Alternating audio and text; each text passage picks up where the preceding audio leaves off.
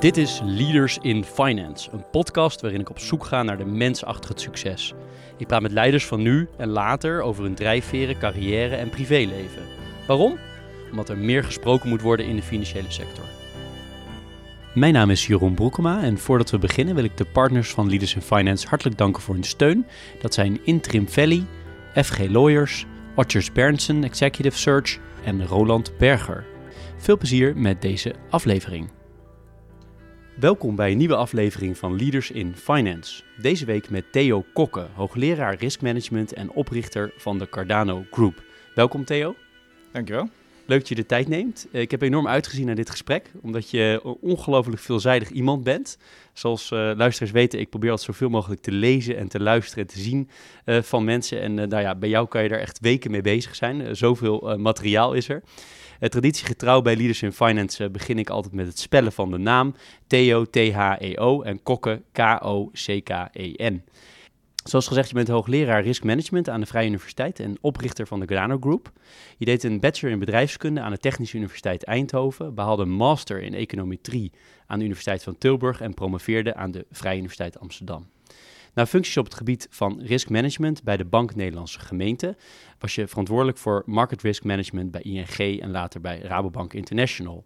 In het jaar 2000 richtte jij Cardano op. Theo is auteur van verschillende boeken en vele artikelen over risicomanagement en pensioenfondsen. Hij wordt door velen gezien als een van de meest invloedrijke denkers over pensioenen en alles wat daarbij komt kijken. Daarnaast is hij een veelgevraagd spreker. Hij is ook filmmaker. Hij maakte onder meer de film Boom, Bust, Boom met Terry Jones van Monty Python. En daarnaast uh, vond ik een bizar indrukwekkende lijst van mensen zoals Nobelprijswinnaars Daniel Kahneman en Robert Schiller, maar ook Paul Krugman en Willem Buiter bijvoorbeeld. Verder is hij actief in het publieke debat op allerlei verschillende onderwerpen, vaak ook pensioenen, uh, op de radio en is hij columnist bij het Financiële Dagblad. Ook is hij actief met de stichting Cardano Development, misschien wel het meest actief op dit moment uh, van al zijn dingen die hij doet waarmee hij ondernemers en instellingen in ontwikkelingslanden weerbaarder probeert te maken tegen financiële risico's. Tot slot, Theo is 56 jaar, uh, heeft een dochter van 19 en een zoon van 21 en woont in Rotterdam, uh, waar we nu ook zijn. Waar ik eigenlijk mee wil beginnen, uh, Theo, is toch wat meer over Cardano Group leren. Want ik moet je eerlijk zeggen, ik ken het niet goed. En het is toch ook veel groter dan ik dacht. En ik dacht, laten we dat doen aan de hand van jullie missie die op jullie website staat. Die lees ik even voor. Wij zijn Cardano, risico- en pensioenspecialisten, uitroepteken. Wij geloven in een rechtvaardige samenleving waarin ons financieel systeem bijdraagt aan de kwaliteit van leven. In een irrationele, onzekere wereld met een financieel systeem dat geregeld op hol slaat, voelen wij ons verantwoordelijk om te waken over andermans geld. We helpen daarom met vermogen voor een goede oude dag van mensen veilig te stellen. Dit doen we door ongewilde en onbeloonde risico's uit te roeien en juist risico's te omarmen die nodig zijn om mensen en de samenleving weerbaarder te maken. Dat is onze missie, dat is wat ons drijft. Nou, daar, mee te beginnen, dat is een, eh, een, hele, hele mond vol. En ik dacht ook, omdat je hoogleraar bent, wel aardig om te starten met toch wat definities. Want de, de eerste die, eh, die jullie schrijven is rechtvaardige samenleving. Maar gebruik ik zeker de, neem de ruimte om ook wat meer over Cardano te vertellen. Dat is, uh, dat is het belangrijkste waar ik mee wil starten.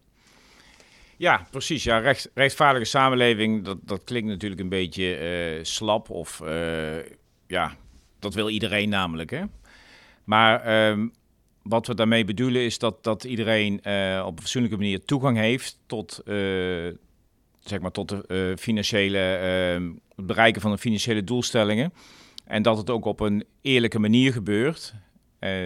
Niet alleen qua kosten, zo van, het is niet zozeer van slechte banken tegenover de mensen of zo, maar bijvoorbeeld bij het pensioencontract is het heel moeilijk om over generaties van, van ja, 60, 70 jaar aan, aan, aan horizon, om dan op een fatsoenlijke manier dat geld te verdelen. En daar dan zie je met name in, landen als Amerika dat er echt excessen plaatsvinden. Hè? Dat daar gewoon pensioenen nu helemaal leeg raken. Eh, omdat ze op een verkeerde manier eh, daarmee omgaan. Omdat ze er eigenlijk te veel geld uitbetalen.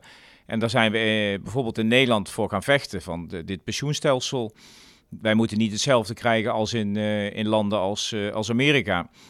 Dat wordt echt een ramp de komende jaren. Echt een grote ramp. Met, met gewoon eh, ja, tientallen, zo niet 100 miljoen mensen die echt in de problemen gaan komen met hun uh, pensionering. En Nederland is natuurlijk een heel, een, op dat gebied een, een voorloper. Dus vond iedereen het heel raar dat wij daar tegen gingen vechten. Maar ja, je moet wel 20, 30 jaar vooruit kijken. En toen ik mijn proefschrift Curious Contracts, curieuze contracten, in 2006 afronde, toen, dat was natuurlijk eigenlijk een beetje voor de lol.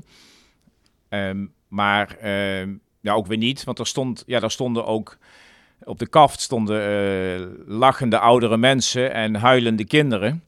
Uh, van hoog naar laag werden ze steeds jonger op de kaft. En dat was eigenlijk het hele verhaal van, ja, we moeten uitkijken dat we de toekomstige generaties niet opzadelen met grote problemen.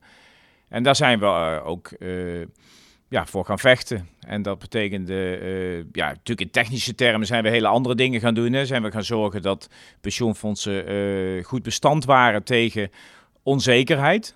Nou, wat is er onzeker bij pensioenfondsen? De rente is de een van de grootste invloedrijke factoren. En, en de risicopremie natuurlijk, hè, die het rendement wat je maakt op, uh, op aandelen en andere beleggingen. En daar zijn we op een hele actieve manier uh, frontaal tegen wat toen gangbaar was, uh, renterisico's gaan afdekken.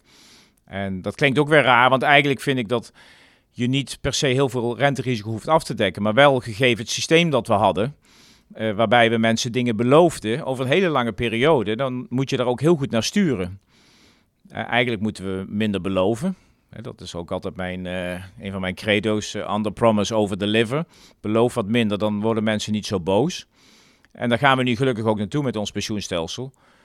Dus ja, ik heb het geluk gehad dat ik heb mogen meerijden en mee, meedenken aan, aan al die veranderingen de laatste twintig jaar in, in de pensioenwereld. En uh, van de ene kant klinkt het voor heel veel mensen, ja, maar we, we gaan naar een onzekerder pensioenstelsel. Maar daar waren we al lang naar op weg. Alleen bijvoorbeeld in Amerika ontkennen ze gewoon dat er een groot probleem is. Dus het lijkt zekerder.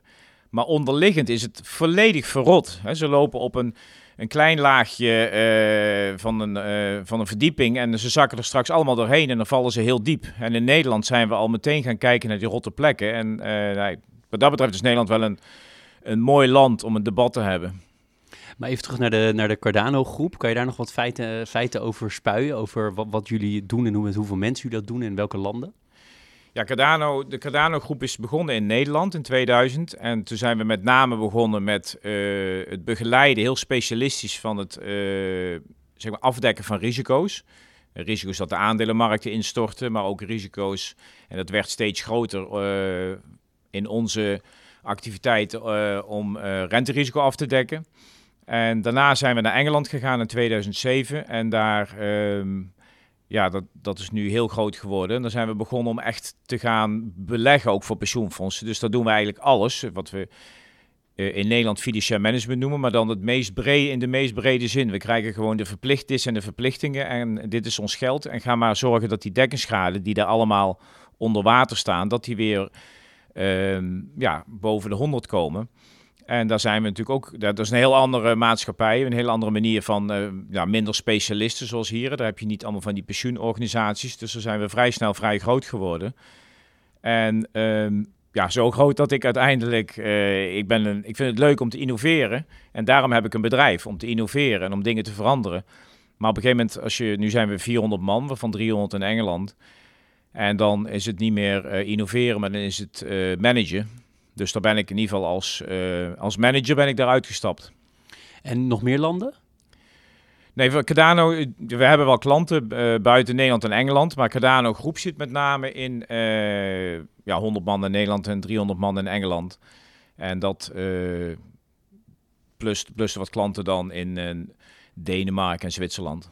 En is het vooral consulting? Moet ik het zo omschrijven? Of is het ook, nee. ook hele andere dingen? Of wat?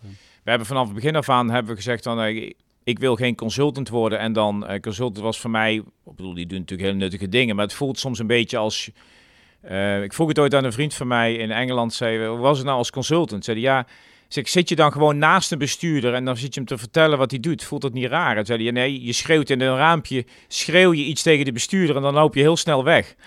En uh, wat wij doen is dat we vanaf het begin zijn we ook echt pensioenfondsen gaan begeleiden met, die, uh, met het uitvoeren van, van die derivatencontracten om, om risico's af te dekken. Dus we hebben echt uh, hele afdelingen die met uh, onderpand en collateral management werken, afdelingen die de administratie van die pensioenen doen, uh, mensen die onderhandelen met pensioenfondsen en banken. Dus wij namens de pensioenfondsen onderhandelen wij contracten uit.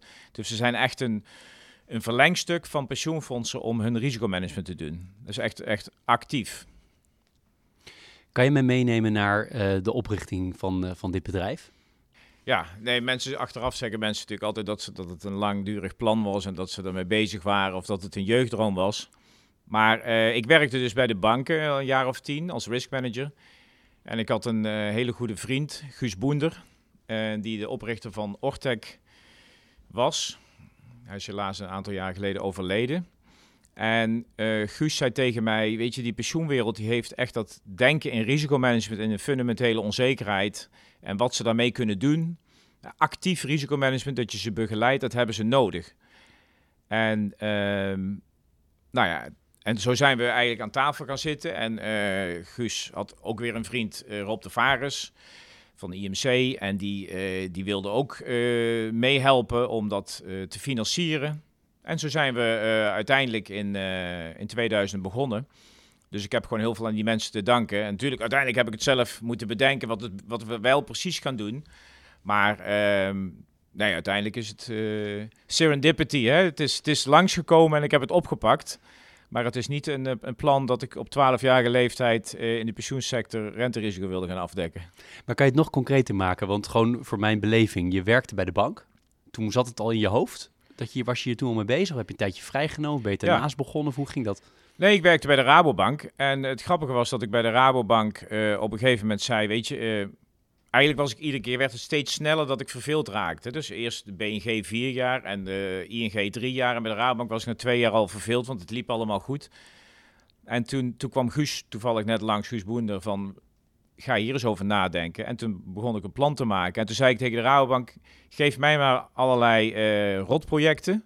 Maar ga daarnaast ga ik wel, um, rotprojecten bedoel ik mee, uh, reorganisaties, financiële afdelingen, moesten dingen mee gebeuren en uh, moesten ze mensen van vrijmaken. Ik zei, ik stop als hoofd risk management, ik ga wel een jaar lang die projecten doen, maar dan ga ik daarnaast een bedrijf opzetten. Als jullie dat goed vinden, anders neem, anders neem ik ontslag. Dat is ook goed. Maar dan, en ze zeiden, nee, dat vinden we leuk dat jij een bedrijf gaat beginnen. En toen hebben ze me ook gewoon de ruimte, want je moet natuurlijk af en toe een beetje gaan bellen. Je moet de Kamer van Koophandel, bankrekeningen, dus dat, uh, die ruimte kreeg ik en daar uh, ben ik de Raben nog steeds dankbaar voor. En daar, uh, nou, daarna ben ik netjes opgestapt en heb ik een paar vrienden meegenomen. En zijn we in 2000, september 2000 aan de, hier in Rotterdam aan de Schiekade in een, het oude hoofdkantoor van Nationale Nederlanders, een oud pand. Daar hebben we eerst twee kamertjes gehuurd en toen drie en toen vier en toen zestien. En toen een paar jaar later naar de World Trade Center hier in Rotterdam. Hoe kwam jij in je eerste klant? Of klanten? Daar, onder andere dankzij Orta kreeg ik heel veel ruimte om met, met mensen te spreken. En um, een van de eerste klanten, eigenlijk de eerste grote klant, was KLM Pensioenfonds. En uh, dat zijn piloten. En wat ik altijd zeg vanuit finance is, we moeten helemaal niet denken in kansen. Want die kansen, eh, als econometrist ben ik opgevoed in kansen. En ik kwam er in de praktijk achter dat die kansen helemaal altijd verkeerd worden ingeschat. Die kun je helemaal niet, uh, die, die kennen we niet. Dus je moet denken in consequenties. Van wat wil ik niet hebben? Wat kan ik niet leiden uh, als organisatie? Uh, welke risico's moet ik echt weghalen en welke risico's kan ik accepteren? Nou, als één doelgroep, één groep professionals zo denkt, dan zijn het wel piloten. En dus daar hadden we heel snel een klik mee. En uh, toen zijn we daarvoor een beschermingsprogramma gaan bedenken voor hun aandelenportefeuille. En dat was ook net in de periode van de, de, de tech bubbel en dus ook de tech-crisis. en daar, uh, dat was de, een ontzettend leuke uh, eerste opdracht. En dat hebben we ook samen met hun gedaan. Het is nooit zo dat jij de klanten vertelt wat ze moeten doen of de klanten jou vertellen, maar dat je met, met elkaar uh, gaat samenwerken als partnership. En eigenlijk is dat altijd zo gebleven. We hebben altijd klanten gehad die gewoon echt samen met ons werken. We hebben ook maar bijvoorbeeld in Nederland werken 100 man, maar we hebben maar 25, 30 grote klanten. Maar die zijn heel intensief met ons betrokken om, om uh, ja, continu na te denken over hun risico's en hoe daarmee om te gaan. Die missie, was dat meteen vanaf het begin een van de drijfveren van het bedrijf? Of wilde jij gaan ondernemen? Of was, wat was de, de reden dat je uiteindelijk zelf bent begonnen? Ja, de drijfveer is eigenlijk het woord, als je die hele missie, dat hele verhaal heeft ik met pensioenen te maken. En ik ben eigenlijk gedreven door risicomanagement. En niet zozeer dat ik risicomijdend ben, hè, want dan zou ik niet uh, al die, die bedrijven, uh, bedrijfjes hebben opgezet en stichtingen. Maar dat ik zie dat mensen gewoon verkeerd met risico's omgaan. Dat ze uh, continu risico's heel nauw via statistische modellen bekijken en daarna verrast zijn door, door wat er gebeurt. En ik had al bij de ING dat we met meer met scenario denken bezig waren. En, uh, en, en breder denken en werelden inbeelden en hoe je dan gaat handelen als er dingen fout gaan. En dat ging er steeds meer uit, omdat we steeds meer regelgeving kregen die zei je moet zo en zo dingen berekenen en moet die regeltjes volgen. En uh, dat is ook de, eigenlijk een van de redenen geweest van de financiële crisis, dat we te veel op regels en op, op, op uh, e, ja, zeg maar eendimensionale formules gingen leunen. En dat wilde ik anders gaan doen. Dat was mijn echte drive, om anders met fundamentele onzekerheid om te gaan. En later ben ik ook steeds meer gaan beseffen, dat is een heel eh, vakgebied van complexiteit. En, uh, en dat past, dat denken daarin en chaostheorie, dat past heel goed. Dat de wereld continu tussen orde en chaos zweeft en hoe je daarmee om moet gaan, dat, dat past heel goed bij, bij de missie. En uiteindelijk betekent dat ook uh, die rechtvaardige maatschappij is dat je een maatschappij moet hebben die weerbaar is tegen die fundamentele onzekerheid. Terwijl we eigenlijk een maatschappij aan het creëren waren, zeker in de jaren 70, 80, waarbij we dachten dat alles via zekere pensioen en zekere sociale zekerheid, dat, dat alles heel erg maakbaar was. Maar de wereld is veel onzekerder dan dat we denken. En dan moeten we weer ja, weerbaarder voor worden. En passen en pasten, zeker ook in het begin, van alle klanten dan bij jullie? Want je nee, nee, Heb je dus ook vaak nee gezegd tegen klanten om die reden, dat het gewoon niet paste bij jullie beeld? Nou ja, het is overdreven om te zeggen dat klanten, eh, dat er heel veel mensen een hekel aan ons hadden. Geen klanten, maar uh, je hebt de klanten die, die met je in zee gaan. Uh, dat zijn de mensen die bij jou fundamentele onzekerheid passen. En er zijn nog steeds heel veel klanten of potentiële klanten, dus eigenlijk niet klanten. Die, die denken, nee, de wereld is maakbaar, je kunt het zo berekenen en dan doe je die en die acties en dan ben je klaar. En die zullen nooit onze klanten worden. En de manier waarop wij over het pensioenstelsel dachten, dat heeft denk ik niet geholpen om uh, een aantal hele grote partijen in Nederland mee te krijgen. Waarbij ik nu meer on speaking terms ben dan vroeger. Maar uh, ja, we hadden gewoon uh, conflicten over het pensioenstelsel van de toekomst. En over rekenrente en over het afdekken van risico's. En um, uiteindelijk blijkt dat allemaal wel mee te vallen als je veel dieper gaat graven wat je allemaal wil bereiken. Maar er zijn natuurlijk ingesleten patronen. En als je die gaat aanvallen uh, aanvallen klinkt dan weer zo agressief, maar uh, ja, je, je, bent, gaat tegen de gevestigde orde in. En dan krijg je, um, krijg je weerstand. Dus daar, uh, nee, we, ik denk dat we meer, dat, ja, we hadden een kleine doelgroep van met name ondernemerspensioenfondsen en, en een aantal bedrijfstakpensioenfondsen. En ja, nu is die doelgroep ietsjes groter, maar het nog steeds wel de, de groep die mee wil in het idee dat we heel weinig weten over de wereld, maar dat we wel heel adaptief kunnen zijn door, uh, ja, door veel meer in te beelden en veel breder te denken. Je hebt op een aantal plekken zeg je, ondernemerschap is voor mij een van de beste manieren om, uh, om dingen te bereiken. Even mijn woorden hoor, maar het komt een beetje daarop neer. Zeker, ja. Ja, kan je dat toelichten? Nou ja, je, kijk, je kunt uh, heel veel artikelen schrijven in de academische wereld, wat op zich ook belangrijk is, want wetenschap moet zich ook ontwikkelen. En de economische wetenschap moet ook een wetenschap worden, want het is nu meer een soort uh, astrologie. Maar uh, de, de, wetenschap ontwikkelt zich pas als je ook in de praktijk ziet hoe je dingen anders kunt toepassen. En uh, dus dat in de praktijk brengen is ontzettend leuk. En ik heb het geluk gehad, ook dankzij mensen als Guus Boender, maar, en ook, die ook hoogleraar was, en Jean Freins, hoogleraar aan de VU beide, omdat ze mij aan de VU hebben geïntroduceerd en dat ik daar ook hoogleraar kon worden zodat ik die combinatie van wat ik iedere dag in de praktijk doe. En waarmee we ook echt stappen hebben gezet. Um, dat je dat ook uh, weer in jouw uh, studie kunt terugbrengen. Maar waarom is het voor jou ondernemerschap? Het zou kunnen zijn dat je dat doet bij een, uh, ja, en wetenschap dus, maar dat je het doet in de, in de politiek of bij de overheid of bij semi-overheidsinstellingen. Waarom specifiek ondernemerschap voor jou? Nou, ik vind het het leukste is om. Uh, kijk, je werkt natuurlijk met de overheid samen. Dat doen we nu ook met het pensioencontract. Uh, praat je met de overheid. Uh, maar je, waar de overheid naar kijkt, is wat doe jij, wat heb je als ondernemer gedaan? oh ja, daarom heb je dat gedaan. Je ziet dat het in de praktijk zo werkt. En dat maakt indruk. terwijl als je het alleen maar retorisch met, met verhalen en met papers doet. Ja, dat werkt voor mij niet. Heel veel mensen die hebben er ook een rol in. Dus weet, ik vind ondernemen leuk, maar ik vind ja, film maken ook leuk. Dus in die zin, uh, het heeft ook zijn... Uh, maar voor filmmakers was het weer... het feit dat al die mensen meededen, was voor heel veel mensen ook omdat ik die dingen in de praktijk doe.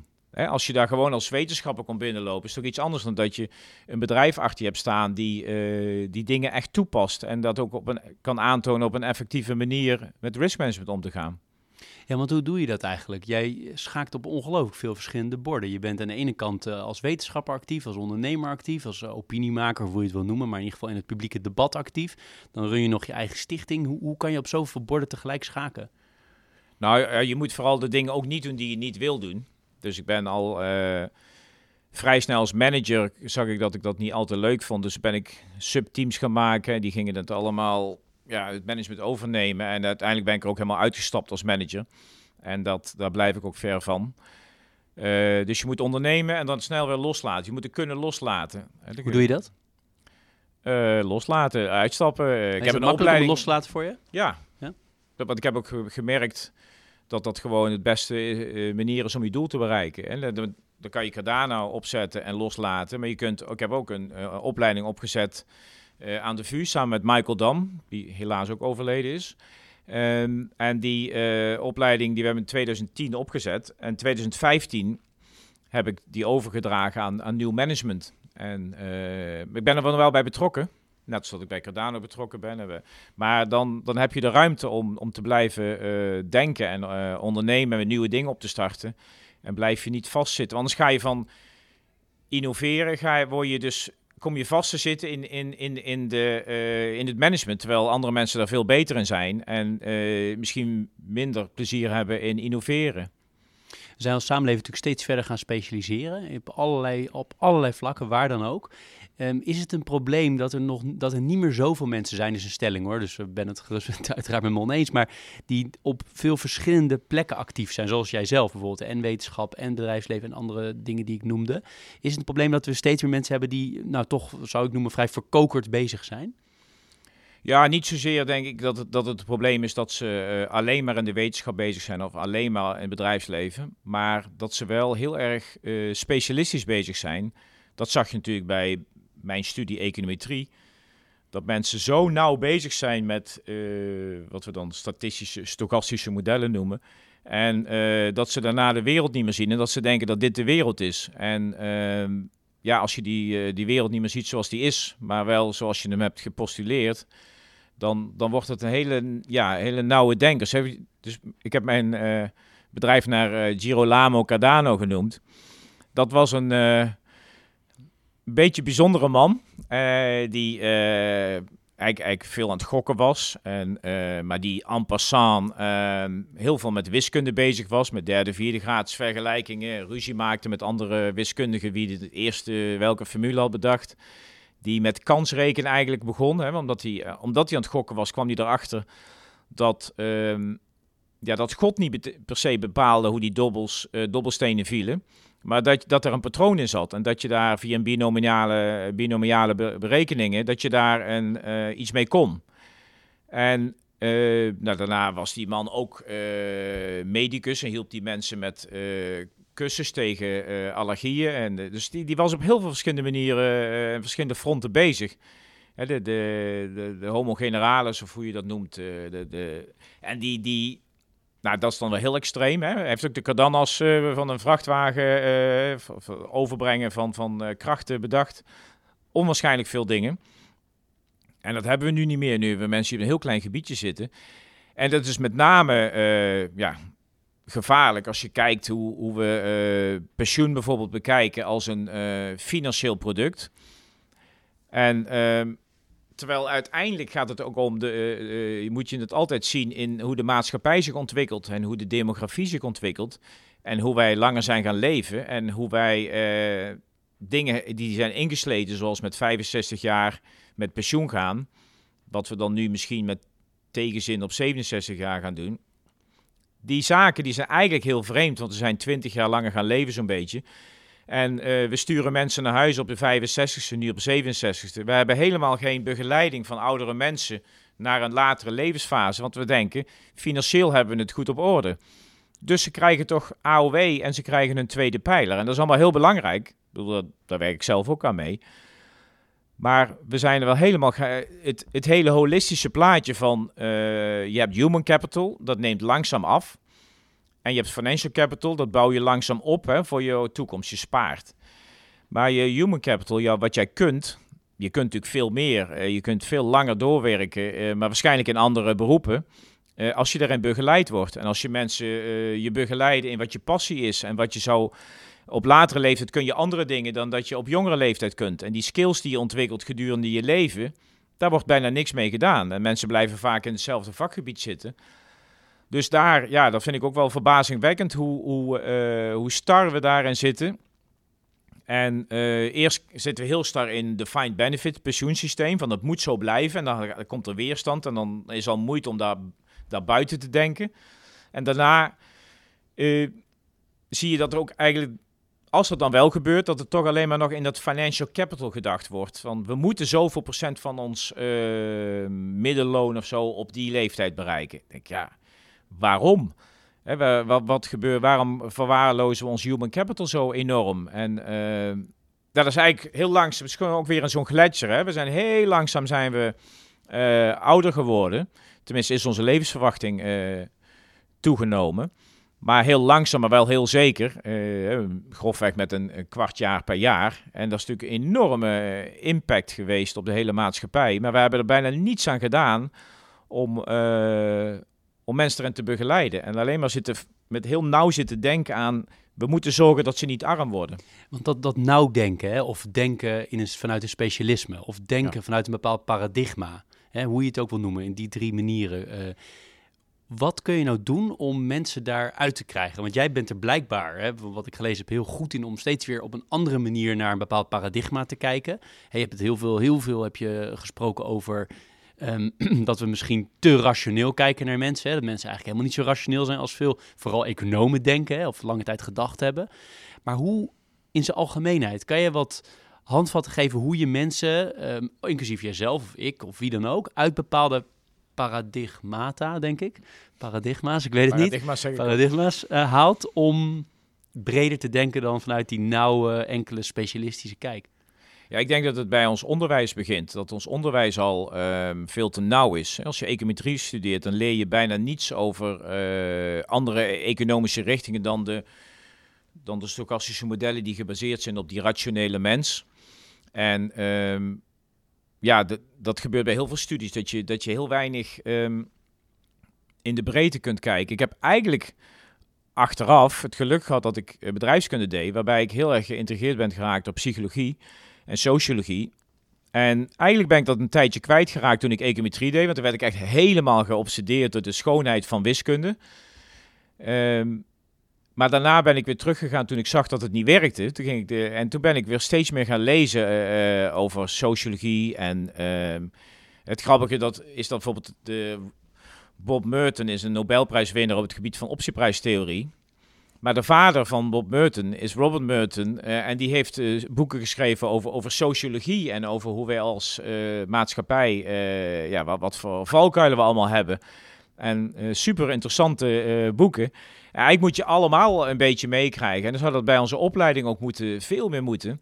En wat er nu gebeurt is dat je bij econometrie of economie leer je wel, ja, eigenlijk is de mens niet rationeel. Hè? Eigenlijk is de mens, en dan komen er een paar van die statements van Kahneman en van die experimenten. Maar daarna leer je niet hoe je daarmee om moet gaan. En leer je niet hoe dat dan uiteindelijk in je dagelijks handelen, uh, hoe je daar uh, ten eerste beter anders naar de wereld moet kijken. Want die wordt ook geleid, gedreven door uh, irrationele mensen. Uh, niet irrationeel in de zin van dat ze allemaal gek zijn, maar dat, ze, dat we allemaal op onze emoties, op basis van emoties, beslissingen nemen. Wat ook maar heel, heel gezond is. alleen het werkt bijna overal goed, behalve in finance werkt het uitermate slecht. En in heel eh, veel andere hele complexe uh, wetenschappen of, of, dagelijkse bezigheden, waarbij je heel lang in de toekomst moet kijken en daar dingen over uh, acties op moet nemen. Daar werkt ons rationele denken niet zo goed. En daar moet je dus de maatschappij op aanpassen. daar moet je zeg maar, dingen voor inrichten, zodat je mensen ook begeleidt. Zoals in Engeland hebben ze dan het uh, spaarsysteem nu, waar men, iedereen die niet spaarde in, in pensioen voor pensioen, die is nu verplicht om te sparen, maar dan mogen ze daarna wel uitstappen. Want je kunt Engelsen, natuurlijk een beetje anglo-saxisch, niet dwingen om, om te sparen. Maar dan zeggen ze, we dwingen je alleen om te beginnen, maar daarna mag je uitstappen. Nou, dan 92% stapt niet uit. Hè, dat noemen we opt-out systeem. Dat soort dingen kun je in de maatschappij uh, gebruiken om, uh, en dat gebeurt, dat er zijn de stapjes die dan wel gebeuren uh, op het gebied van, van psychologie en economie, waar het samenkomt, om, om de maatschappij vorm te geven. Maar het, het is natuurlijk ook nodig voor, om, om financiële markten te begrijpen, zoals boom, bas, boom. Ja, dat, dat, dat mensen daar verbaasd waren over die crisis, is bijna ongelooflijk. Ik, ik las ik lees nog wekelijks over mensen die dat een black swan noemen. Eh, en dan denk ik, een black swan, dit, dit, dit is gewoon zo vaak voorgekomen. Toen ik bij de ING werkte, zag ik het in, in, in uh, landen als uh, Argentinië en Brazilië continu gebeuren. Als je boeken leest van John Kenneth Galbraith, dan, dan lees je over de geschiedenis van al die booms en busts. Ze zijn allemaal hetzelfde. Als je Hyman Minsky leest, dan zie je precies hoe het proces zich uh, zich voorscheidt uh, over opbouwende schulden en euforie die ontstaat door die schulden. En, en dan zijn mensen verbaasd. Dat denken wat is er met ons onderwijs aan de hand? Dat is bijna niet te bevatten. Dat je, kijk, dat je het niet kunt timen, daar ben ik het helemaal eens. We weten nu ook niet wanneer misschien uh, er een nieuwe crisis komt op het gebied van die, die tech-aandelen. Ehm, de timing kun je niet zeggen, maar dat je verbaasd bent dat het gebeurt en dat je dan zegt, het is eens in een miljoen jaar um, uh, dat dit gebeurt. Het is eens in de, in de vijf à tien jaar dat het gebeurt. Uh, als het eens in een miljoen jaar is, dan, dan, dan, dan ben ik al een dinosaurus. Die, uh, dat is totaal... de mensen zijn helemaal niet meer weerbaar voor, voor onzekerheden. Ze kunnen zich helemaal niet meer indenken. Ik had, voor, voor, voorspelbaarheid is niet voorstelbaarheid. Voorstellen is iets veel mooiers dan voorspellen. Voorspellen is voor uh, astrologen. En uh, voorstellen is voor economen.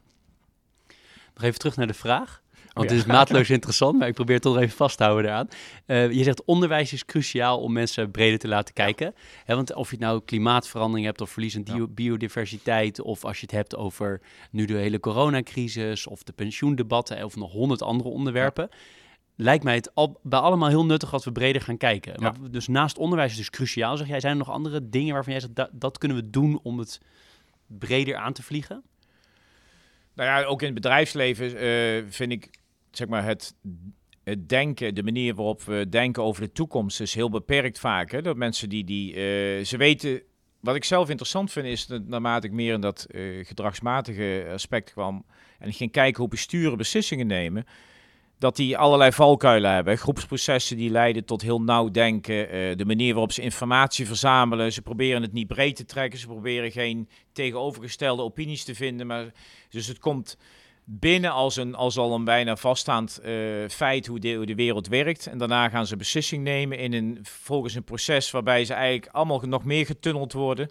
Dus onze hele manier van van denken over de wereld uh, is bij heel veel bedrijven heel nauw. Er zijn natuurlijk ook heel veel bedrijven bij niet nauw die heel goed scenario kunnen denken. Die heel goed, en dat zijn ook de bedrijven die continu adaptief zijn.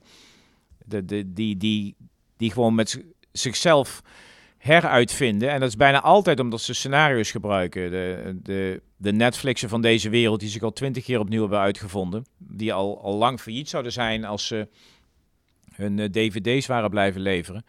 Maar natuurlijk altijd flauw om de, om de succesgevallen te noemen. Dat gaat er meer om, ik vind meer de kleine ondernemers die vaak heel erg adaptief zijn en veel beter nadenken. Maar ons onderwijs is er uh, op gericht, wat ik dan Descartesiaans noem, dat we alles analytisch kunnen vaststellen, dat er uh, een berekening uitkomt en dat, dat het dan is. Terwijl we weten dat onze hersenen hebben al lang een vooringenomen uh, emotie over iets. En die gaan daar precies al die analytische informatie bij zoeken. Dus we doen het precies andersom. En dat is zo onwaarschijnlijk interessant over hoe wij beslissingen nemen. Dat we gewoon uh, voor ingenomen al uh, weten wat we willen. En daar, komen we, daar moet je juist proberen van af te kunnen wijken. En, en dan moet je je breed kunnen openstellen voor dingen. En dat is ook, ik zeg niet dat ik uh, dat onwaarschijnlijk goed kan, maar ik besef er heel sterk hoe faalbaar we daar zijn. Als even naar jou teruggaan, uh, voordat je Cardano oprichtte, startte je bij banken. Waarom ben je in de, in de bankaire sector gaan werken? Is toch Leaders in Finance, daar zijn we ook even nieuwsgierig naar. Ja, ja nee, dat is gewoon puur toeval. Ik, uh, ik gaf bijles in, uh, in wiskunde en economie in Eindhoven. En er was een vrouw die coördineerde al die bijles. Ze was een gepensioneerde lerares. En die stuurde heel veel mensen naar, naar mij toe. En die zei, je moet bij mijn zoon gaan werken toen ik afgestudeerd was. En die zoon was de CEO van de Bank Nederlandse Gemeente. Dus daar kreeg ik een hele vrije rol. En daar ben ik nog uh, Pieter Paul van Bezouw. Daar ben ik er altijd dankbaar voor dat ik daar mocht doen wat ik wilde. Dus dan ging ik risk management doen, dan ging ik met derivaten uh, uh, handelen. Met, met, je kon gewoon alles um, op een wetenschappelijke manier. Ik kreeg wel een wetenschappelijke functie, maar uh, ja, ik mocht het ook allemaal in de praktijk brengen. Dus was eigenlijk een soort laboratorium van mij. Voordat ik naar de, de serieuze. Toen was de BNG ook een hele serie bank, Nederlandse gemeente, serieuze bank. Maar uh, daar, had ik een vrije rol. En bij de. Ja, toen ging naar de ING en dat, dat was eigenlijk ook nog cowboyland in die tijd. Hè. Toen waren er geen risk managers en uh, nu is het een heel ander vak geworden. Nu is het regeltjes volgen. En toen was het bedenken hoe je die, die handelaren in honderden miljarden aan derivaten, hoe je die in, in toom ging houden. Ja, dat, waren wel, dat was wel een leuke tijd, midden jaren 90. Ik begon bij de ING en een paar maanden later ging Barings failliet. En toen nam de ING Barings over en toen werd mijn afdeling van drie man, die werd uh, 30 man en later 300. Uh, toen was ik al lang weg. En uh, nu is het duizenden mensen risk management. Het is nu helemaal doorgeslagen. Weer naar regels, dichttimmeren. Denken dat je dingen kunt dichttimmeren. Het idee van zero risk is natuurlijk absurd. Want de wereld verandert continu. Zero risk bestaat. Iedereen die met zero risk bezig is, dat zijn vaak ook de bedrijven die, die zichzelf opblazen. Omdat ze denken dat ze alles onder controle hebben en dichtgetimmerd. En niemand denkt meer na over de bredere veranderingen in de wereld. Dus er, uh, ja. Zijn die, zijn die dat is wel even een interessant onderwerp, zijn die toezichthouders uh, aan het doorslaan in jouw optiek? Op, op verschillende, ja, ja. Met, met, goed bedoeld natuurlijk. Hè? Dus uh, het is niet zo dat er allemaal gestoorde mensen zitten. Maar als je op, ehm, ten eerste wil je op institutieniveau wil je regeltjes of toezicht opleggen. Daarna wordt het toezicht worden regels. Uh, regels uh, worden extreme hoeveelheid regels. Per toeval komt het vanuit verschillende richtingen, hè, van gedragstoezicht en prudentieel toezicht en heel veel verschillende regels en, en, en money laundering. En op een gegeven moment word je verlamd door het bezig zijn met die regels en informatie opleveren. En ben je niet meer zoals wij vroeger deden met scenario's bezig en dan denken, wat kan er nou met de wereld gebeuren? Dat is één ding. En ten tweede zijn ze heel erg bezig om, je kunt op microniveau alles wel denken veiliger te maken. Maar als al die instellingen allemaal hetzelfde gaan doen en allemaal hetzelfde worden en hetzelfde denken en ze gaan dezelfde regels houden en dezelfde assets in hun portefeuille prefereren omdat het qua regelgeving nou eenmaal het voordeligst is en dezelfde exit-strategie als het fout gaat, dan, je enorm systeemrisico aan het uh, creëren. En ook met central clearing platforms, goed bedoeld, maar als er een paar grote overblijven en die zijn eigenlijk ook vatbaar, want alles wat fout kan gaan, gaat een keer fout. Dan is het alleen maar het risico gecentraliseerd. Dus we zijn heel veel risico's uh, meer systematisch aan het maken. En we begrijpen steeds minder van de wereld. We hebben handelsdesk bij banken weggepest, zeg maar, omdat de banken minder, meer kapitaal moesten aanhouden. Dus die banken zijn minder uh, gaan handelen in allerlei uh, securities.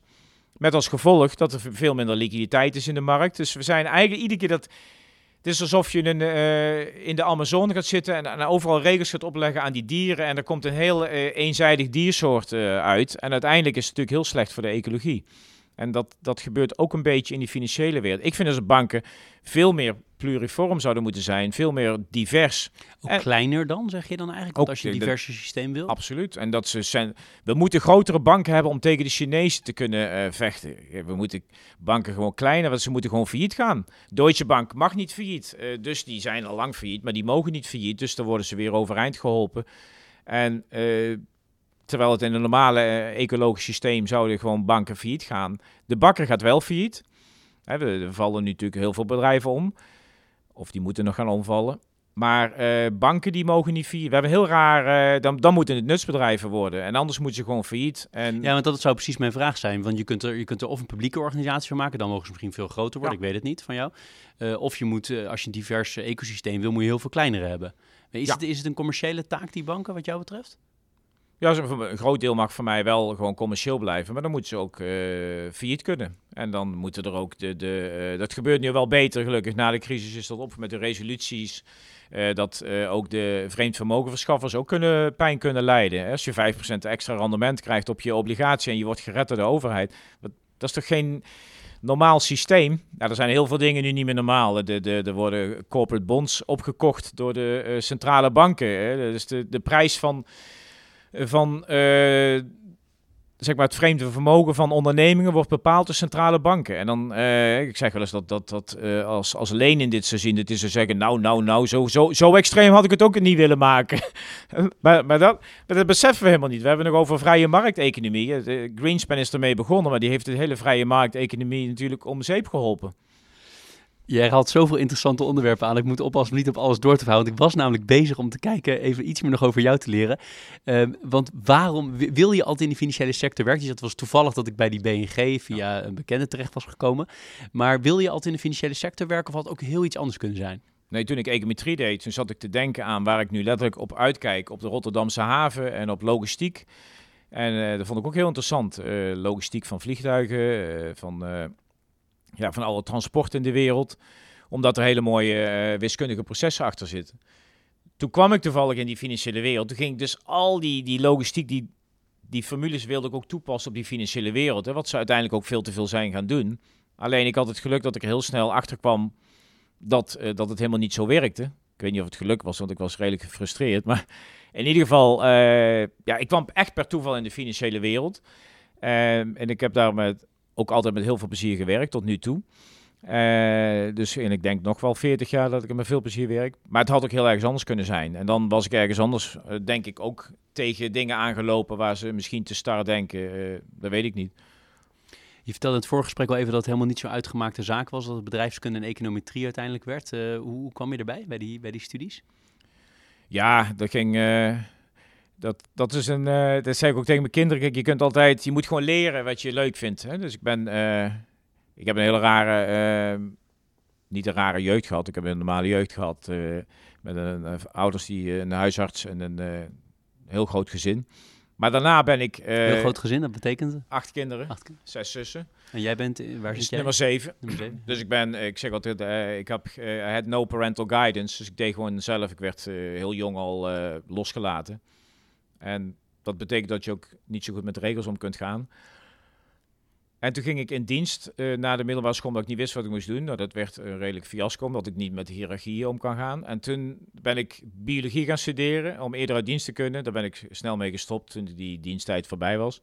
En uh, toen ben ik natuurkunde gaan doen, daar ben ik ook snel mee gestopt. Toen ben ik bedrijfskunde gaan doen, omdat dat heel breed was.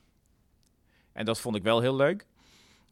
Alleen toen ben ik tijdens bedrijfskunde ben ik ook wat keuzevakken gaan doen in de econometrie. En toen ben ik echt op de econometrie uh, gevat, zeg maar, en uh, geboeid geraakt. En toen ben ik dat naast mijn werk gaan studeren. Als uh, bedrijfskunde heb ik afgemaakt, maar naast mijn werk heb ik econometrie afgemaakt. Dus toen, toen was ik leuk, want toen kon ik aan werk en zien hoe het in het werk aan toe ging, wat ik aan het leren was.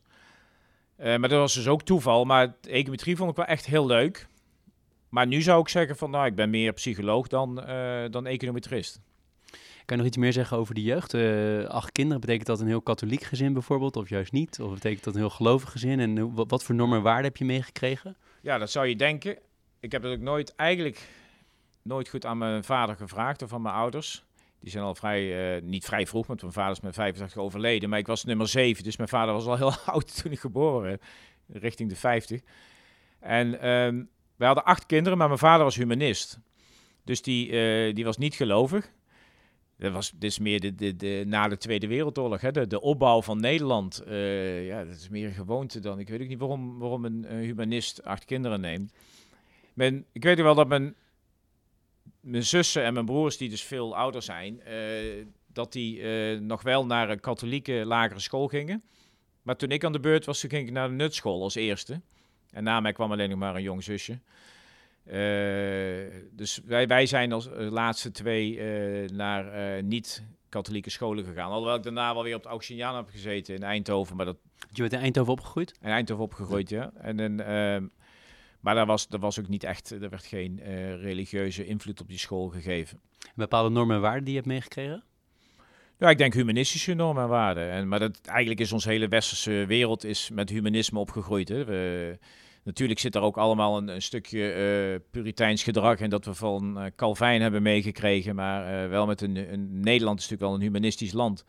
En daar, dus die normen en waarden van vrijheid en denken over eerlijkheid en zo, die, die, ja, die heb ik gewoon meegekregen als denk ik iedereen in Nederland. En heb je verder nog dingen meegekregen uit, jou, uit jouw jongere jaren die impact hebben gehad op de rest van je leven? Of tot op de dag van vandaag? Nee, kijk, wat mensen over mij zeggen is dat, eh, dat ik al heel jong, uh, toen ik echt de tweede, derde klas middelbare school ging, alleen op vakantie uh, met, een, met een vriend gingen we kamperen. Overal gingen we de hele Europa doorreizen. En nou, Europa, België, Luxemburg en zo. Maar ja, dat zie je nu bijna niet meer gebeuren. Dus het was allemaal veel. het was voor mij heel vrij. Ik was heel jong al en ik wilde ook altijd dingetjes, groepjes opzetten, clubjes. Ik vond het wel altijd leuk om dingen te organiseren. Um, maar het is niet zo dat ik dan dat ik toen de basis heb gelegd voor ondernemerschap. Maar wel voor dingen willen, willen veranderen en nieuwsgierig zijn. Uh. Ja, want waar komt dat, uh, dat hele zelfdenken, zoals ik het noem? En dat is dus ook vaak anders denken dan wat misschien het, wat ik eerder noemde, het paradigma denken is. Waar komt dat vandaan? Heb je dat wel eens over nagedacht? Heb ik wel over nagedacht, maar het is, moeilijk om zomaar te verklaren. Dat, uh, dat er een moment in je leven is.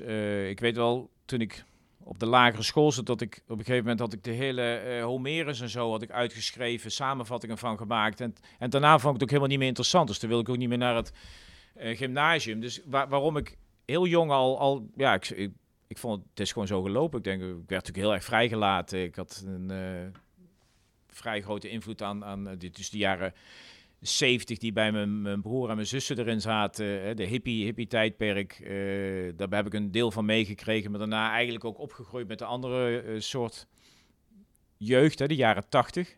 Dus waren eigenlijk twee verschillende werelden, eh, vond ik wel. De jaren 60, 70 en de jaren 80. Waar ik mij, ik vond ik bij mijn, mijn vrienden, die vond maar raar dat ik Bob Dylan en zo allemaal heel leuk vond. En ja, die, die was natuurlijk een, meer een punk tijdperk. wat ik ook mooi vond. Maar waarom ik vrij ben gaan denken is best wel moeilijk uh, vast te stellen. Uh, dat, dat, zit gewoon in je, denk ik.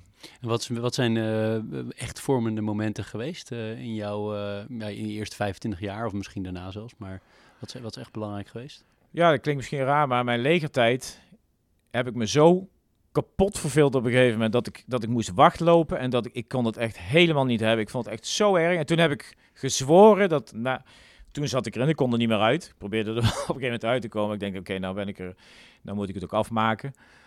Uh, verder was het allemaal leuk natuurlijk achteraf. Hè? Maar op dat moment wist ik zeker, als ik hier uitkom, dan ga ik alleen nog maar doen wat goed voelt. Wat ik zelf wil. En daarom ben ik ook iedere keer gestopt met mijn studie. En uh, dat is achteraf alleen maar goed geweest. Gewoon continu voelen wat je uh, proberen aan te voelen wat, wat, wat, goed voelt en wat niet goed voelt. Hoe doe je dat?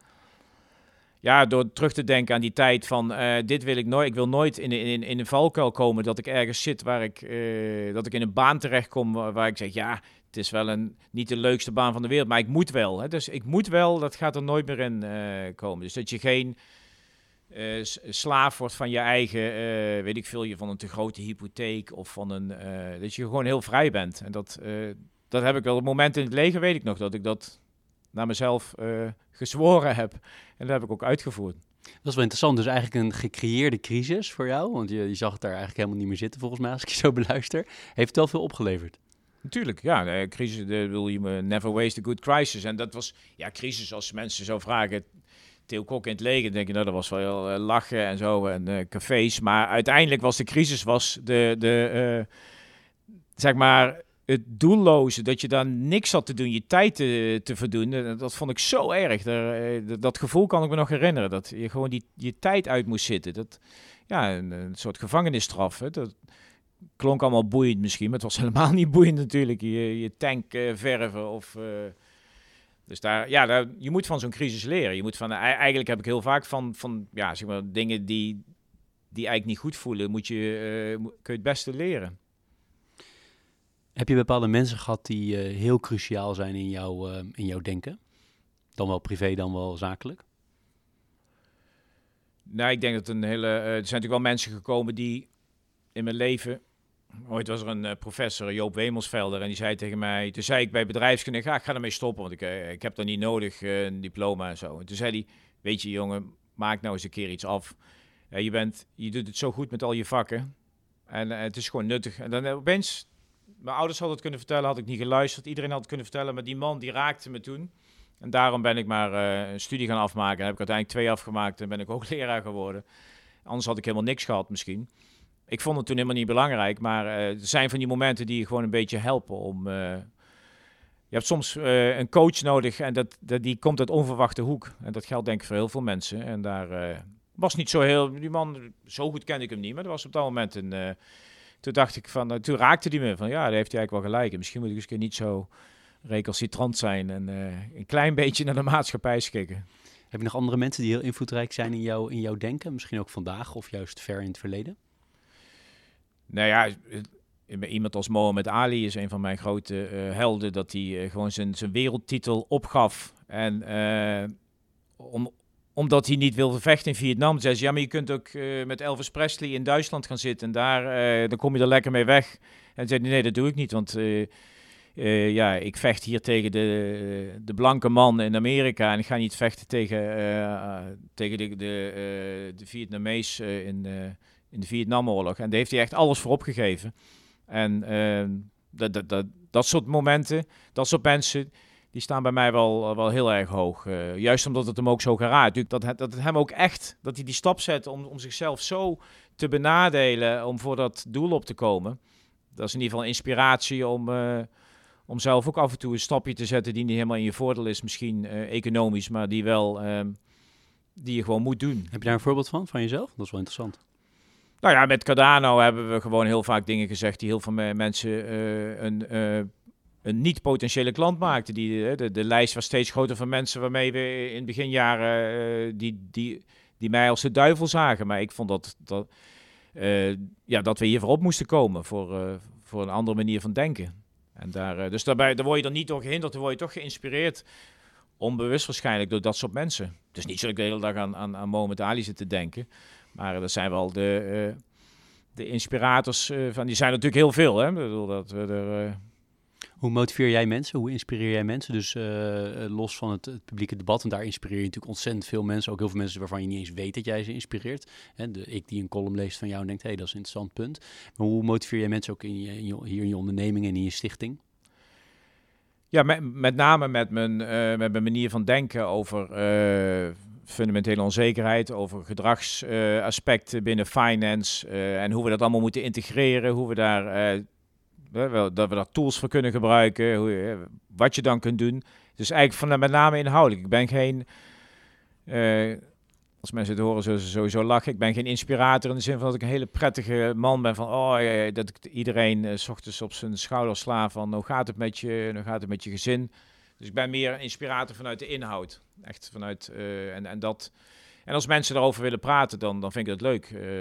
Maar ik was dus ook geen goede manager. Geef je complimenten aan mensen? Te weinig, denk ik. Ik ben te veel gefocust op de inhoud en te weinig op uh, de mens. Dus daar hebben je genoeg mensen om me heen die dat heel goed doen. We hebben bij Leaders in Finance ook altijd een teaser en een pleaser. Nou, de pleaser is altijd dezelfde, die gaat over boeken. De teaser niet. de teaser die ik voor jou heb opgeschreven is Um, omdat mensen ongelooflijk goed in staat zijn om te wennen aan nieuwe situaties. Dat heeft enorm veel voordelen. Hè. Daardoor kunnen we overleven ook als soort, denk ik, uh, een van de redenen. Maar het is ook heel link, want we kunnen ook wennen aan hele extreme situaties. Maar als je dat, dat wennen meeneemt uh, en meeneemt dat mensen toch niet al te goed zijn in ver vooruitdenken. Het is het onderwerp wat gelukkig, hè, mede dankzij jou, maar vele anderen, steeds meer op de agenda komt. Van laten we nou verder vooruitkijken. Als je die twee dingen samenneemt, dan is de stelling: we gaan de hele kwestie rondom klimaatverandering en biodiversiteit moet eerst gewoon fundamenteel helemaal misgaan in de wereld, waar misschien wel, ik noem maar wat, honderden miljoenen of meer mensen omkomen of op andere manieren hele extreme crisis, maar dus niet, niet zoals corona, maar een corona 10x zeg maar. Of zeg jij nee, we zijn als mensen toch wel in staat om dat te voorkomen? Nou, als ik een stelling, als ik een keuze moet maken, dan kies ik voor uh, helaas voor het negatieve. Ik heb toen ik in de jaren, uh, eind jaren 80 op de TU zat, was er uh, professor Paul van der Grinten. En die, uh, die, zat en die heeft ook meegeholpen aan die Club van Rome, dat rapport. En toen heb ik ook zitten, die zeiden al heel veel over, over, over wat er met onze planeet zou gebeuren en dat dat helemaal verkeerde kant op zou gaan. Is daarna tiental jaren genegeerd, komt nu weer naar boven dat rapport. Ehm, en toen dacht ik, wij zijn als mens, we hebben de, de hersenen om hele mooie technologische dingen te maken. Maar we hebben niet de sociale, aan, het sociale aanpassingsvermogen om met die dingen goed om te gaan. Ik ben natuurlijk opgegroeid in de neutronenbomperiode, met Doe maar. en als de bom valt, en dan waren allemaal liedjes over als de bom valt. En, en dat was ook de periode van de demonstraties tegen de neutronenbom, en, zoals het toen heette. Maar toen dacht ik ook van, wij zijn daar eigenlijk niet slim genoeg voor. Dus het kan goed zijn dat het helemaal fout gaat. En uh, nou ja, daar hebben toen ook heel veel mensen, uh, scenario-denkers, uh, zoals Herman Kaan, die hebben daarover nagedacht en meegeholpen om, om, om een soort evenwicht te krijgen tussen Russen en Amerikanen. Speltheoretisch evenwicht, de Thomas Schelling. En dat is er net goed gegaan. Met dat ik helemaal, we hadden ook niet meer kunnen zijn. Hè? Ik denk dus echt dat, e-, dat we echt geluk hebben gehad. Dat op de juiste mensen, de juiste mensen. Uh, je, moet er niet aan denken dat een Trump en een, een andere idioot aan de andere kant uh, er zitten. En dat je dan met die neutronenbommen zit en nog geen goede procedures hebt. Uh, dat is dus net goed gegaan. En toen gingen we met die klimaatverandering, wat toen al op de agenda stond, toen dacht ik, ja, dit, dit wordt gewoon heel moeilijk om, om dit te sturen. Daar ben ik zelf ook onderdeel van. Hè? Dat je, ik kan niet zeggen dat ik nou eh, de meest klimaatvriendelijke persoon ben. En, en nou zie je dus dat we met z'n allen, dat het zo'n sociaal dilemma is om, om dat uh, op de agenda te krijgen en te keren. En nu is het eigenlijk, het gaat echt zo slecht. Het gaat zo slecht als je de, hoe ziet u de Amazone wordt afgefikt en, en wat er allemaal gebeurt. Het is gewoon om te janken. En hoeveel dieren. En we kunnen het bijna niet, niet, niet veranderen. En dat, dus ik ben daar best wel vrij negatief in dat het eerst heel erg fout moet gaan. Kijk, die planeet die gaat wel door. Maar ik denk dat wij daar heel erg onder gaan lijden. En dat er, dat er honderden miljoenen, uh, zo niet miljarden aan, aan vluchtelingenstromen komen. En uh, nu zitten we, zijn we al bang als er 25.000 uh, vluchtelingen moeten worden opgenomen in Nederland. Maar eh, Afrika gaat van 1 miljard naar 4 miljard mensen groeien. 3,5, 4. Daar gaat alle groei plaatsvinden. En er is helemaal uh, geen infrastructuur om dat op te vangen. En, en, ook geen eh, goede governance. Ja, dat ziet er allemaal heel triest uit. Ook voor de, voor de ecologische planeet. En ook voor de, voor de vluchtelingen en, en dat soort zaken. Dus ik denk dat we moeilijke periodes tegemoet gaan. En komt dat ook door het eerste deel van mijn inleiding over dat we wennen? Dus dat we niet meer doorhebben dat we al... Hè, er zijn een aantal schrijvers die noemen dat van... Hè, je, bij je geboorte wen je aan de status eh, quo ja. waarin je opgroeit. Komt het ook daardoor? Ja, zeker. Dat is ook dat uh, interessante boek Factfulness. Maar die, die, die zegt ook van ja er zijn namelijk ook, hij laat ook heel veel goede dingen zien. Hè? Hoe armoede is afgenomen. Uh, en, en, en, en dat mensen die in de jaren 70 zijn geboren nog steeds denken dat het analfabetisme, het analfabetisme is van die periode. En de, dus ons denken is ook vaak in die periode waarin we opgroeien. En uh, als er toen ook niks aan de hand was met de planeet, dan blijven we ook denken van we gaan gewoon door. Het, terwijl je nu wel ziet dat de jeugd veel meer uh, actief is op dat klimaatgebied. Omdat die gewoon daar helemaal niet meer opgegroeid zijn van het, is allemaal, het kan allemaal. En uh, ja, dat, dat veranderen gaat natuurlijk heel langzaam. Dat, is niet alleen het wetenschappelijke uh, accepteren dat het fout gaat, maar ook het aanpassen van je dagelijkse gedrag. dat, dat is echt voor iedereen moeilijk. Dus, dat, uh, dus daar heb ik ja, daar heb ik wel problemen mee hoe we dat gaan oplossen. De, de we hebben me zorgen over wat dat gaat betekenen de komende uh, 20, 30 jaar. Dat geven we wel allemaal door aan onze toekomstige generaties ook ons, nu, nu hè, de schuld geven we door aan toekomstige generaties. De, de ecologische ellende geven we door. Dus ik een, een beetje waarom ik soms een beetje heel erg boos word op die generatie van mijzelf. Die uh, zeggen dat we uh, met pensioenen dingen anders moeten regelen. Dat de jeugd het wel redt. En die millennials dit. En luie mensen. En uh, ik denk, hoe kunnen ze het zeggen? Weet je, we hebben alles gewoon naar ze doorgeschoven. Dus eigenlijk mijn generatie een hele grote schuld aan, de, aan, aan mijn kinderen en kleinkinderen. Uh, die heb ik nog niet, maar uh, aan, aan de toekomstige generaties. Wat moeten we doen om het, uh, het pessimistische verhaal toch te proberen als um, hè, de mensen die het luisteren, wat, wat moeten mensen zelf doen? Want kijk, het zijn natuurlijk heel veel dingen die zijn zo groots, dat mensen vaak dan denken, ja, wat kan ik doen? Maar wat, wat zou jij die mensen zeggen? Ja, ik zit meer te denken, wat gaat de maatschappij doen? Hè? We kunnen zeggen van, ja, eh, we zien nu al hè, dat er ook statiegeld komt op, was gisteren uh, toevallig op, op uh, blikjes. Ehm, dus de maatschappij wordt, de politiek wordt beïnvloed door de maatschappij. De maatschappij wordt beïnvloed door de politiek. Hè. Dat heet emergentie. En je ziet dat heel langzaam vanaf bottom-up mensen echt nu gaan beseffen. Volgens mij is er nu een omslagpunt zo rond deze, deze periode. Dat hoop ik dan. Maar ik denk dat het ook wel kunnen zien. In, in, uh, dat er echt een besef komt uh, van dit gaat. Nu, nu moeten we echt fundamenteel anders uh, gaan handelen en, en gaan ingrijpen. En, en dan maar met pijn voor onszelf. En, en dat, dat komt vanuit de, vanuit de maatschappij. Hè? Dat kun je niet top-down opleggen. Je kunt ook niet, je kan ook alle belerende dingen gaan zeggen, maar dan, dan ja, dat vind ik niet echt mijn taak. En, maar ik vind het vooral interessant om, om te zien hoe die processen werken. En hoe, hoe je er ook geluk bij moet hebben. Dat er net een paar dingen ervoor zorgen dat die tipping points komen. En dan moet ik altijd denken aan, aan, Malcolm Gladwell met zijn boek The Tipping Point. Een van de beste boeken ooit geschreven. Dat heeft ook allemaal met, eh, met het emergente processen te maken. Hoe dingen langzaam veranderen en hoe kleine beetje veranderingen in uh, mensen, mensen hun denken, enorme veranderingen kunnen hebben op de planeet. En ik gebruik altijd naar economen toe uh, het voorbeeld dat als mensen maar een heel klein beetje gaan, uh, anders gaan denken over de huizenmarkt, bijvoorbeeld de huizenmarkt is aan het stijgen en in de plaats van dat 20% van de mensen een huis verkopen, wil nu 30% van de mensen een huis kopen. Of mensen krijgen een iets andere voorkeur voor het kopen van huizen, dat dat enorm impact heeft op die huizenmarkt. En die huizenmarkt heeft dan weer impact op dat er nog meer mensen die huizen willen kopen. Het zijn hele kleine veranderingen die, die via feedback loops enorme impact hebben. En als dat nu op het gebied van um, klimaatverandering uh, positieve invloed gaat hebben op regeringen en regeringen weer op mensen en mensen weer op regeringen en dat langzaam maar zeker verandert dat.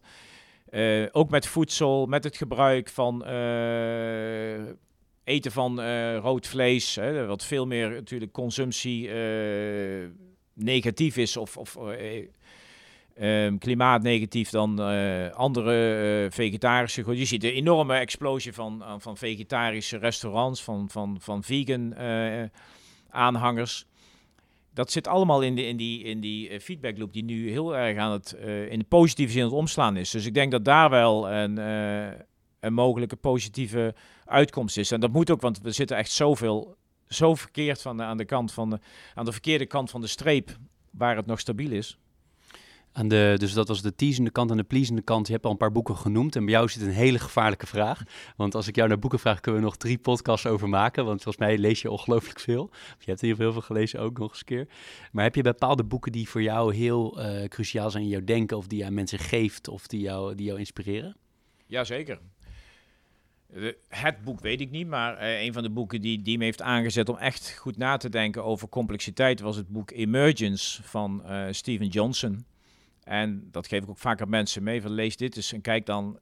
Ga daarna verder kijken. Kunt iemand een wetenschappelijk boek geven over complexiteit en dan haken ze af. Maar het zijn juist die schrijvers zoals Steven Johnson, die veel uh, interessante boeken heeft geschreven. Uh, Malcolm Gladwell, uh, ja, die heeft zoveel onwaarschijnlijk. Ik bedoel, dan vind ik Tipping Point een van de allerbeste boeken. Maar laatst had hij weer het boek Talking to Strangers geschreven. Denk, hoe komt hij er weer bij? Iedere keer die, die wetenschap zo uh, populair goed naar voren te kunnen brengen. En, en, en je nieuwe inzichten te geven over hoe wij oordelen over andere mensen. Uh, Jonathan Haidt, H-A-I-D-T, heeft het boek geschreven The Righteous Mind.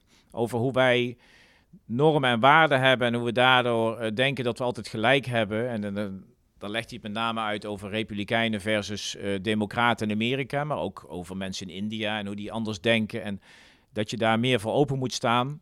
Echt een, zijn een, enorm mooie boeken. Uh, maar veel boeken zijn oude boeken die, die uiteindelijk toch extreem goed zijn.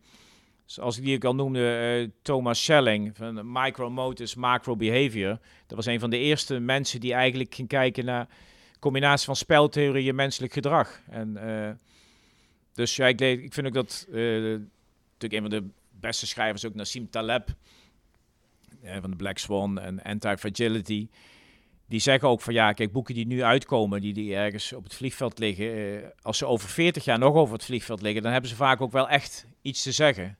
En ja, dat, dat, daar, daar heeft hij wel een, een punt. Dat veel boeken die, die oud zijn, die nog steeds zeggenschap hebben, dat daar heel veel uit te leren valt. En terwijl we vaak op de literatuurlijst zetten we boeken uit 2019 of 2020, hè, want dan is het een, een, een goede literatuurlijst met recente wetenschap.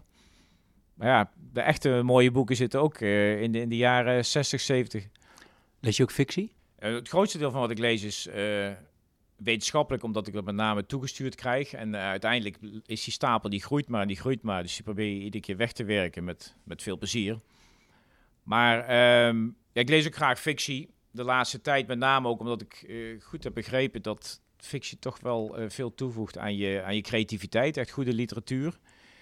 En volgens mij de laatste jaren met name een aantal boeken van Ishiguro uh, gelezen. Remains of the Day en Never Let Me Go. Het zijn hele mooie boeken van een, een Japanse schrijver die in Engeland is opgegroeid. Dus ik rijd veel van Japan en veel van Engeland door elkaar heen. Dus ik vind het wel, eigenlijk probeer ik meer tijd te maken. Uh, misschien heeft dat ook met mijn leeftijd te maken, om, om toch wat meer uh, richting literatuur te trekken. Dan misschien nog een, uh, een vraag die ik aan iedereen stel. Namelijk, heb je bepaalde tips voor mensen die nu beginnen met werken na hun studie bijvoorbeeld? Nou, de belangrijkste tip die ik altijd geef is dat je moet gaan voelen in je werk of je het echt leuk vindt. Hè? En, als je daarin vast komt te zitten dat je het niet leuk vindt, probeer dan uh, met een coach te kijken van wat, wat drijft je nou echt? Wat is je purpose? En uh, wat, wat, wat maakt je echt warm? En ja, hoe kun je daar eventueel je, in je werk dat terugvinden? Dan ga anders ander werk zoeken. En ja, ik raad ook iedereen aan om ook in mijn eigen werk om, om met coaches te praten. En als ze dan tot de conclusie komen dat het, niet, het werk niet bij hun past, dan, dan moeten ze ook echt gewoon, dan help ik ze ook naar een andere baan. Hè, dat, nou werk ik niet meer uh, vast uh, bij Cardano, maar dat deed ik vroeger wel. Van, je, je, je past hier helemaal niet, dus je wordt hier niet gelukkig. En je bent misschien voor ons wel heel nuttig, maar uh, ja, uiteindelijk moet je, is je werk het grootste deel van je leven. Hè, dat, en voor mij moet werk ook is gewoon puur hobby. Hè, dat, dat kan haast niet anders. Dat, dat heb ik aan mijn diensttijd overgehouden, heb ik toen gezworen. Alleen maar leuke dingen. Lu blijven luisteren en ook met coaches praten om de zoveel jaar, om de vijf jaar een keer een, uh, een klankbord te hebben om te kijken of je wel het goede doet. Want zoveel mensen zitten vast in het verkeerde werk. Er zijn ongekend veel onderwerpen die ik ook nog zou willen bespreken met je. Dus ik hoop dat je mij ooit toestaat je nog een keer uit te nodigen voor een deel 2. Maar zo richting de afronding uh, uh, werkende. Je maakt films. Je hebt, uh, we hebben eentje al aangehaald, uh, ontzettend interessant. Uh, volgens mij ben je ook weer met een nieuwe bezig. Zou je daar nog kort iets over willen zeggen? En ook over de stichting die je nu runt. Want dat zijn twee dingen die natuurlijk ongelooflijk belangrijk zijn in, jou, in, jou, in jouw werk. Dat kunnen we niet missen. nou, ik ben een aantal jaar geleden begonnen om een film te maken... waar die eigenlijk in origineel ging over armoede onder ouderen. Dus we gingen filmen in dat is het leuke van filmmaken. Filmmaken is een langdurig proces, documentaires, tenminste zoals ik het doe. Namelijk tussen je werk door. Gingen filmen in Japan, uh, Ghana, Amerika, Duitsland, Engeland. Dus allerlei verschillende werelddelen. En toen langzaam maar zeker ging die film, natuurlijk ging die over armoede in die landen. En uh, zit er best wel veel armoede onder ouderen in de westerse wereld en meer dan we denken. En misschien wel minder dan we denken in sommige ontwikkelingslanden om ze zo maar te noemen. Maar ehm, het mooie was dat we heel veel voorbeelden kregen van mensen die ouder werden en die bleven werken en die actief bleven en die daardoor ook heel gezond waren en heel uh, mentaal uh, gezond, sociaal een hele grote werkkring hadden, zeiden dat ze daar zo blij mee waren. En dat we heel veel gepensioneerden tegenkwamen die heel erg ongelukkig waren, geen sociaal contact meer hadden. En die film is langzaam maar zeker van zeg maar, armoede onder ouderen gegaan naar, uh, dat is het eerste deel van het film, maar daarna wordt hij heel positief over wat kun je doen met het tweede deel van, jouw um, van jouw werkbare leven. En dan bedoel ik tussen 65 en 85. En dan zeggen ze vaak, uh, ja, maar een bouwvakker kan natuurlijk dat niet meer blijven doen. Daar ben ik helemaal mee eens. Een bouwvakker of een stratenmaker, die gaat niet uh, tot heel lang doorwerken in zwaar werk. Maar die kan heel veel andere dingen wel. En als je die personen vraagt naar wat ze nou drijft en wat hun hun echte diepe uh, purpose is, dan, dan komen er ook andere dingen uit. En dan kunnen ze misschien in hele andere richtingen in de dienstverlening uh, heel veel goed werk doen.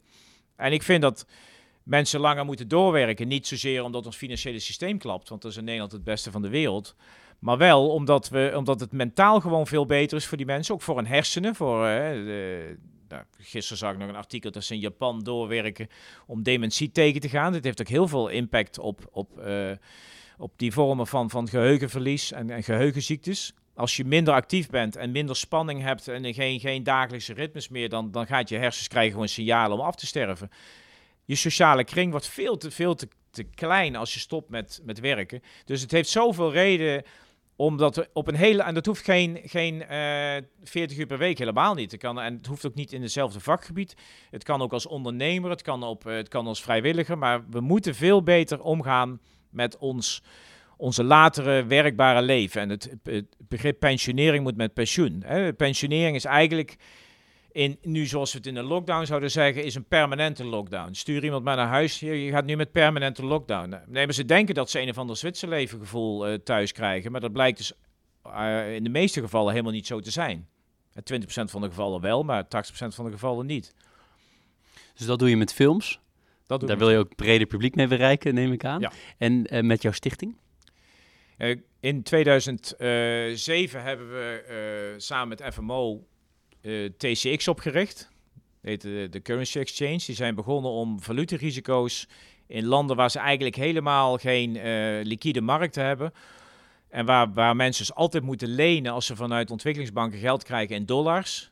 Dat ze die leningen in uh, lokale valuta kunnen krijgen.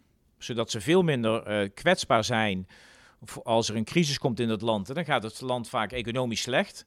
En dan moeten ze hun schulden nog terugbetalen in dollars. En die dollar is dan vaak twee keer zo duur geworden, of drie keer zo duur, omdat die, omdat die munt instort. Dus lokale eh, valutafinanciering is heel belangrijk. En dat heeft TCX opgezet als dat doel. En die heeft samen met alle ontwikkelingsbanken in de wereld een heel groot instituut gemaakt, de Currency Exchange, uh, om die lokale valuta als een soort onderlinge verzekeringsmaatschappij uh, te kunnen afdekken. En dat hebben we later in samenwerking met FMO, hebben we om, ondergebracht in Stichting Cardano Development. Uh, want FMO zei, nou, jullie kunnen dat beter apart runnen, los van FMO. En toen heb ik gezegd, nou, dan wil ik dat wel in een stichting brengen. Er zit natuurlijk heel veel overheidsgeld in en dat moet een, een ANBI worden. Een algemeen nut bedienende instelling, beogende instelling. En die, um, die stichting is nu uitgebreid naar heel veel andere dingen. En, daar zit Garantco onder, die in, garanties geeft in lokale projecten in allerlei landen in Afrika en Azië en andere gebieden in de wereld. En daar zitten nu uh, stuk of vijf, zes verschillende bedrijven onder. En daar, eh, daar, ben ik, uh, daar ga ik nu steeds actiever aan meewerken. Om daar, ik ben er ook voorzitter, maar dat is meer van de stichting zelf. Dat is meer een toezichthoudende rol. Maar ik wil er ook een actievere rol in gaan spelen. Jij zit zo met een uh, afspraak, dat zeg ik gewoon in de podcast. Dus we gaan, uh, we gaan afronden. Ik moet je wel zeggen, er zijn nog veel dingen die ik je ook nog had willen vragen. Maar dit geeft al een ongelooflijk mooi beeld van. In ieder geval heeft het alle punten aangeraakt die ik met je wilde bespreken. Ik wil je heel hartelijk uh, danken voor dit inspirerende gesprek. Graag gedaan. Met, met dank aan het online bloemenbedrijf Bloemon krijg je na de aflevering nog een, nog een bedankje. En nogmaals heel erg veel dank voor dit inspirerende gesprek. Oké, graag gedaan. Veel plezier. Dit was Leaders in Finance. Veel dank voor het luisteren. Ik hoop dat je ervan hebt genoten. Voordat we afsluiten zou ik je willen vragen als je feedback hebt om deze te delen met mij via een Apple of Google review. Via de social media kanalen of natuurlijk direct per e-mail. Ik kan het altijd enorm waarderen als mensen dat doen. Tot slot, ik dank mijn partners voor hun steun. Dat zijn Interim Valley, FG Lawyers, Otjes Berndsen Executive Search en Roland Berger.